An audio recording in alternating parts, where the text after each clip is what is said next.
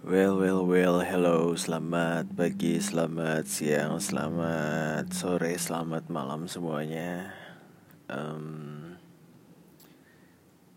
kayaknya hari ini bakal upload dua kali sih, dua episode dalam sehari. Soalnya yang tadi ketika upload yang bagian um, time dilation atau time is relative itu ada satu poin yang belum gue jelasin ternyata. Dan itu tuh krusial banget sebenarnya. Soalnya tadi ada yang uh, bilang kak itu tadi nyebutin according to Marvin Hotop tapi nggak ada penjelasan dan elaborasinya katanya. Aduh lupa. Sorry sorry sorry sorry. Jadi um, untuk episode kali ini ada kesinambungan ya dengan episode-episode sebelumnya. Dan karena mostly sih ya mostly ya jadi setiap episode gue ini bakal ngebahas tentang ilmu pengetahuan. Dan bukan cuma ilmu pengetahuan aja ada relasinya dengan uh, filsafat dan ilmu agama juga mungkin nanti ya ke depannya setelah ilmunya makin banyak lagi. Nah um, seperti melanjutkan sorry melanjutkan poin gue yang sebelumnya di episode sebelumnya. Untuk episode kali ini gue akan ngebahas tentang adab ilmu ya adab dan ilmu atau sebaliknya lah ilmu dan adab. Nah apa hubungannya adab dengan ilmu? Well jadi orang yang beradab itu pasti orang yang berilmu dan orang yang berilmu itu pasti orang yang beradab. Ya karena nggak mungkin banget ada orang yang yang tahu sopan santun yang tahu manner yang tahu adab kesopanan dan lain-lainnya itu tidak punya ilmu gitu. Ngerti gak sih maksudnya? Nggak mungkin banget kan dia nggak dididik artinya. Jadi yang dimaksud ilmu itu kan um, pengetahuan-pengetahuan yang memang dididik gitu ya. Aduh sorry banget nih. Um, maklum rumah pinggir jalan lagi di rumah banget dan biasa kalau malam-malam itu depan banyak motor-motor yang knalpotnya garandeng ya kalau bahasa Sunda oh, pada berisik gitu knalpotnya jadi um, lanjut lagi. Adab. Jadi nggak mungkin orang yang berilmu nggak beradab sih. Dan kalau ada orang yang ngerasa dia bilang uh, eh, gue udah punya gelar nih artinya gue udah punya punya banyak ilmunya. Gue udah uh, udah ada di posisi tertentu nih berarti gue udah banyak ilmunya. Itu semua bohong kalau dia nggak beradab. Dan terbukti sih sekarang sih jadi banyak banget orang-orang yang berilmu katanya malah nggak beradab gitu. Ya contoh lah banyak banget yang berseliweran di layar kaca dan di sosmed ya. Mereka bilang mereka berilmu tapi ya mental mannerless gitu loh. Jadi gimana ya? Kadang pengen ngomong kasar cuman gue menghindari itu ya. Um, ya itu dia. Banyak orang yang bilang dia berilmu tapi masih ngomong kasar masih kayak uh, berlaku segmentatif terhadap manusia lainnya. Maksudnya tuh kayak segmentatif tuh dia membeda-bedakan orang sesuai dengan kasta atau profesinya gitu contoh lah contoh kecil. Kayak ke tukang parkir atau ke maaf ya uh, tukang beca gitu. Dia bakalan beda sikapnya sama uh, para pejabat misalkan. Perlakuannya pun beda. Dan ini sih lebih baik dihindari lah ya sama kalian semua nih yang kayak gini-gini. Sifat-sifat yang membeda-bedakan orang berdasarkan profesi itu lebih baik dihindari sih. Justru justru orang yang berilmu mereka akan beradaptasi dengan uh, setiap orang, setiap makhluk bahkan entah itu manusia, binatang dan tumbuhan, ya mereka akan beradaptasi dan melakukan dan bersikap dan bersikap sesuai dengan um, yang seharusnya gitu loh. Jadi bakalan behave accordingly lah gitu ya bahasa Inggrisnya tuh. Well, jadi ada tiga tahapan ilmu ya uh, menurut Umar bin Khattab radhiyallahu anhu ini pasti nih yang denger-dengar kalau udah ada nama-nama kalau udah ada nama-nama yang berbau-bau uh, agama kayak gini tuh pasti kayak ah, apaan sih nih nyambung yang agama? Ya udah gue jelasin ya di episode sebelumnya. Please open minded please. Jadi hanya orang-orang yang cerdas pintar berilmu dan bijaklah yang bakal nerima semua ilmu dan kebenaran gitu dari mana pun itu oke? okay?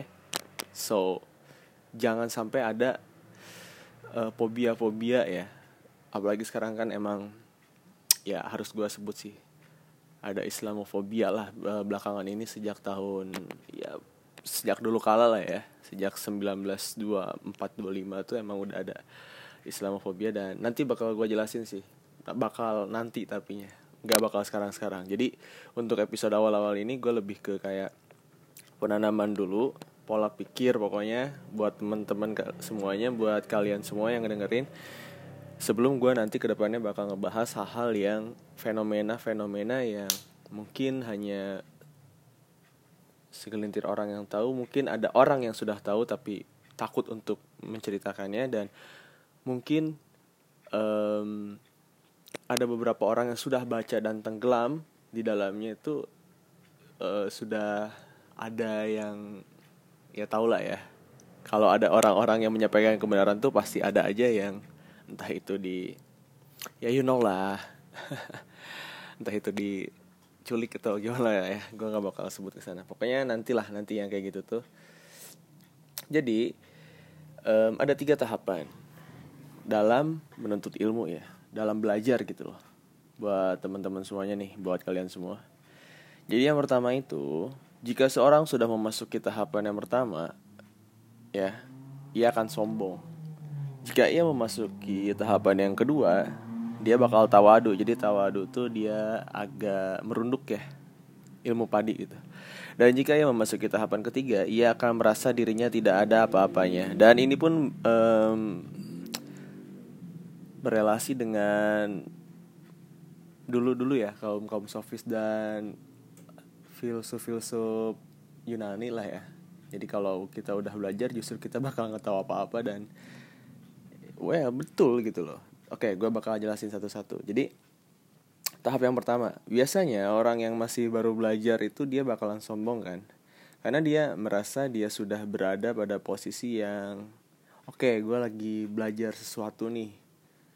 Oke okay, gue tahu nih sekarang nih. Dia udah ngerasa mulia gitu walaupun dia baru buka bukunya. Dan itu tuh itu pun baru background atau latar belakangnya aja yang dia buka. Dan dia baru ngambil ilmu di sedikit ya. Baru permukaannya doang lah gitu.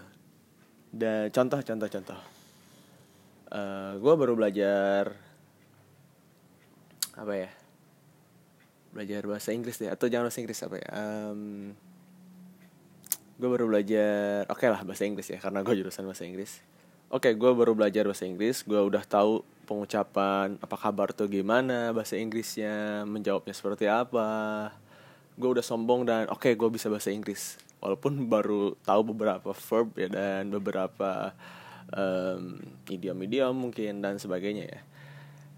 Kemudian uh, ketika uh, tahap pertama nih ya ketika dia udah merasa mulia otomatis dia bakalan menganggap orang lain itu nggak ada apa-apanya dan selalu memandang rendah pada orang lain gitu loh. Jadi uh, sombong aja gitu ngerasa paling bener aja. Dan yang kayak gini-gini justru ketika kelihatan ya ketika berdebat biasanya dia tuh nggak mau kalah. Bukan berdebat ya ngobrol aja dia bakalan nggak mau kalah. Dan cenderung dia mengambil hanya satu referensi aja nggak ngambil banyak referensi ketika membuat sebuah argumentasi dan ke depannya membuat kesimpulan. Jadi prior knowledge, base knowledge-nya, theoretical framework-nya dia kurang banget sih. Dan ya ini contoh level pertama orang yang menuntut ilmu ya. Padahal mungkin kondisinya dialah yang masih banyak kekurangan dan ya itu tadi ya, kurang baca dan kurang referensi gitu. Makanya sampai-sampai nganggap orang lain tuh rendah dan ini close minded sih biasanya orang yang tahap pertama nih. Jadi masih cenderung fanatis lah ya. Itu yang pertama. Sekarang kita ke level yang kedua. Ketika seseorang masuk ke tahapan yang kedua ini biasanya dia akan merasa masih banyak hal yang belum dia ketahui dan itu membuat dia lebih tawadu gitu. Jadi seperti yang gue bilang tadi ya seperti ilmu padi nih. Ini udah level 2 loh. Seperti ilmu padi semakin memiliki ilmu semakin merunduk tahapan ini tuh biasanya lebih meningkat dari tahapan pertama tadi. Ya iyalah ya. Oh tahap pertama tadi kan dia udah sombong nih merasa tegak tinggi mulia gitu. Kalau level yang kedua ini dia di hatinya itu udah nggak ada lagi rasa sombong bahkan dia lebih merendahkan hatinya terhadap orang lain. Dan gue pikir ya itu dia yang mau padi itu ya. Dia sudah mulai bisa mendengar. Nah level kedua ini lebih ke mendengar. Jadi level pertama dia sombong. Sombong itu identik dengan banyak ngomong tong kosong nyaring bunyinya. Dan level yang kedua ini dia lebih banyak mendengar. Biasanya ketika dalam sebuah diskusi kelompok dia dia ngomong paling akhir biasanya. Jadi dia ngelihat dulu um, apa namanya melihat dulu pendapat-pendapat yang lain. Dia coba mencari referensi sendiri. Dia coba melihat dulu lah banyak melihat dan banyak mendengar gitu loh. Nah kemudian uh, ini juga kan bagi teman-teman semuanya bagi kalian semua yang sekarang lagi ngerjain entah itu penelitian skripsi atau tesis dan sebagainya di latar belakang juga kan pembuatan latar belakang masalah itu juga seperti itu kan. Jadi kita lihat dulu e, pendapat orang lain kita lihat dulu referensi yang lain menurut si Anu menurut si Anu tentang Anu. Kemudian baru kita memparaphrase gitu ya memasukkan argumentasi kita di bawah pendapat mereka-mereka semua yang sudah melakukan penelitian sebelumnya dan ini langkah bijak tentunya dan level kedua ini sudah mulai bijak karena kita mendengar dulu, bukan kita ngomong dulu gitu ya. Selanjutnya adalah tahap terakhir nih. Masuk ke tahapan terakhir ini yaitu tahapan ketiga ya. Tahapan di mana seseorang yang, aduh sorry sorry. Ini banyak banget knalpot yang berisik ya. Jadi masuk ke tahapan terakhir yaitu tahapan yang ketiga, tahapan di mana seseorang yang semakin berilmu dia tuh um, semakin merasa tidak ada apa-apanya sih. Semakin merasa kecil gitu loh. Karena di tahap ini tuh dia merasa ilmu itu seperti lautan yang begitu luas. Ketika dia mendapat satu ilmu maka dia e, di dalam dirinya akan merasa kurang terus dan dia bakalan haus akan ilmu.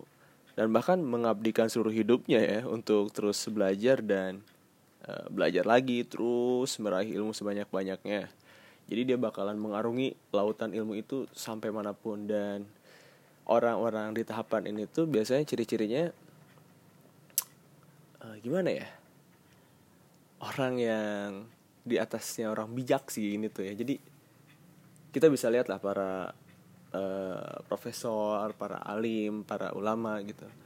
Orang-orang yang tercerahkan pikirannya dan dia sudah banyak banget ilmunya biasanya dia bakalan nggak sombong ya? Gimana ciri-cirinya ya? Jadi ciri-cirinya tuh uh, gimana ngebahasa ini ya, yang simple ya. Jadi ciri-cirinya tuh dia kayak yang lebih pembawaannya lebih tenang santai uh, lebih ke sederhana ya penampilannya. Apa sih bahasanya tuh? Uh, gue lupa. Bersahaja ya bersahaja. Dan ini tuh identik sama guru-guru kita zaman dulu ya. Uh, zamannya Umar Umar Bakri gitu. Bersahaja gitu guru tuh. Rap, rapi maksudnya bersahaja tuh bukan dia uh, baju seadanya dan kelihatan maaf kekurangan. Tapi bersahaja itu dia penampilan rapi penampilannya uh, kalem oke. Okay. tapi ya itu simple gitu penampilannya.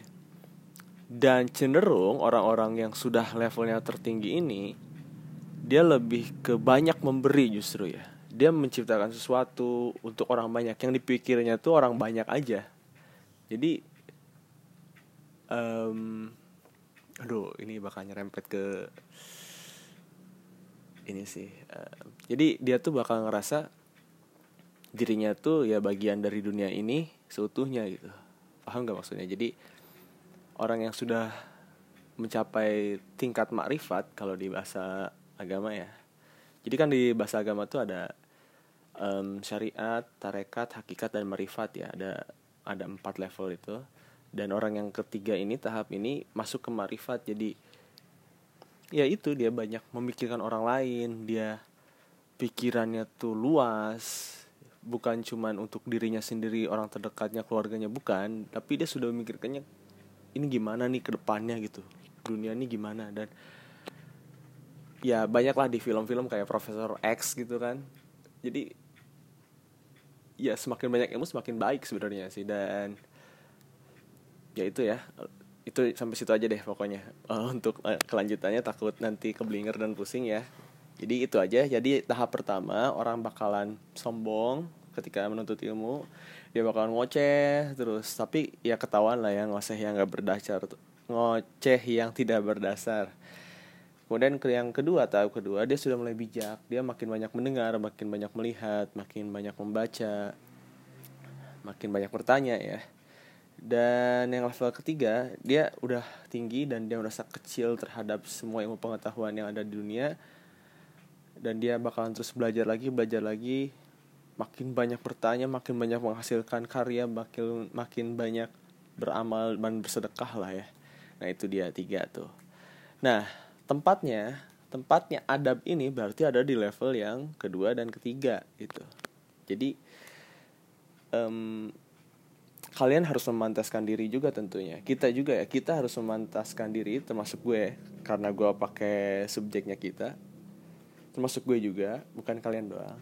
Jadi kita kita itu harus memantaskan diri terhadap um, apa yang ada di um, memori otak kita gitu loh. Jadi jangan sampai oke okay, SD kita udah lewat SMP kita lewat. Ada dari TK lah TK lewat SD lewat SMP lewat SMA lewat kuliah S1 lewat uh, mungkin ada yang S2 lewat ada yang S3 bahkan nah itu tuh bukan patokan ya. Jadi ijazah dan diploma itu bukan patokan uh, bahwa lulusan itu lulusan dari jenjang-jenjang tersebut yang gue sebutin tadi itu bakalan memiliki ilmu dan bahkan memiliki adab gitu. Itu bukan jaminan ya karena ijazah itu bukan uh, tanda sudah berpikir ya. Maksudnya bukan tanda dia sudah berilmu dan sudah beradab tapi ijazah itu cuma tanda dia udah lulus aja gitu just the sign pass the exam gitu kan cuman angka-angka aja gitu dan bahkan cenderung banyak permainan dan well kita lewat skip bagian itu dan pokoknya ilmu dan adab itu hanya kita sendiri yang bisa memantaskan, kita sendiri yang bisa menilai diri kita sendiri dan hanya kita sendiri yang tahu kadar keilmuan kita gitu loh. Jadi, gimana caranya? Gimana caranya menimbu, uh, menumbuhkan adab gitu ya, apalagi di lingkungan sosial kita ya dimulai dari diri kita sendiri dulu gitu. Seperti yang di episode sebelumnya gue terangin tentang kalau mau dibaikin sama orang, baik dulu kita ya. Kalau mau dihargai sama orang, hargai dulu orang lain. Kalau mau dikasih sama orang, ya kasih dulu orang lain sebanyak banyaknya gitu dah kita mau punya Tuhan ya jadi memberi mah tanpa pamrih we gitu ya. Aduh maaf nih kebiasaan ya. Karena sehari-hari pakai bahasa Sunda jadi maaf banget nih buat teman-teman yang tidak berbahasa Sunda. Bakal ngedengar celotehan-celotehan celutukan-celutukan berbau bahasa Sunda ya di podcast gue ini. Well jadi itu ya. Dan belakangan ini terjadi de, um, degradasi terjadi penurunan terjadi di, pokoknya decreasing banget dalam masalah adab ini ya. Contohnya contoh ya contohnya um, banyak terjadi korupsi. Nah ini kan salah satu uh, bobroknya adab ya dan moral tentunya. Adab dan moral ini satu kesatuan kan di negeri kita ya. Jadi nggak mungkin orang yang berilmu dan bermoral itu tidak memiliki adab.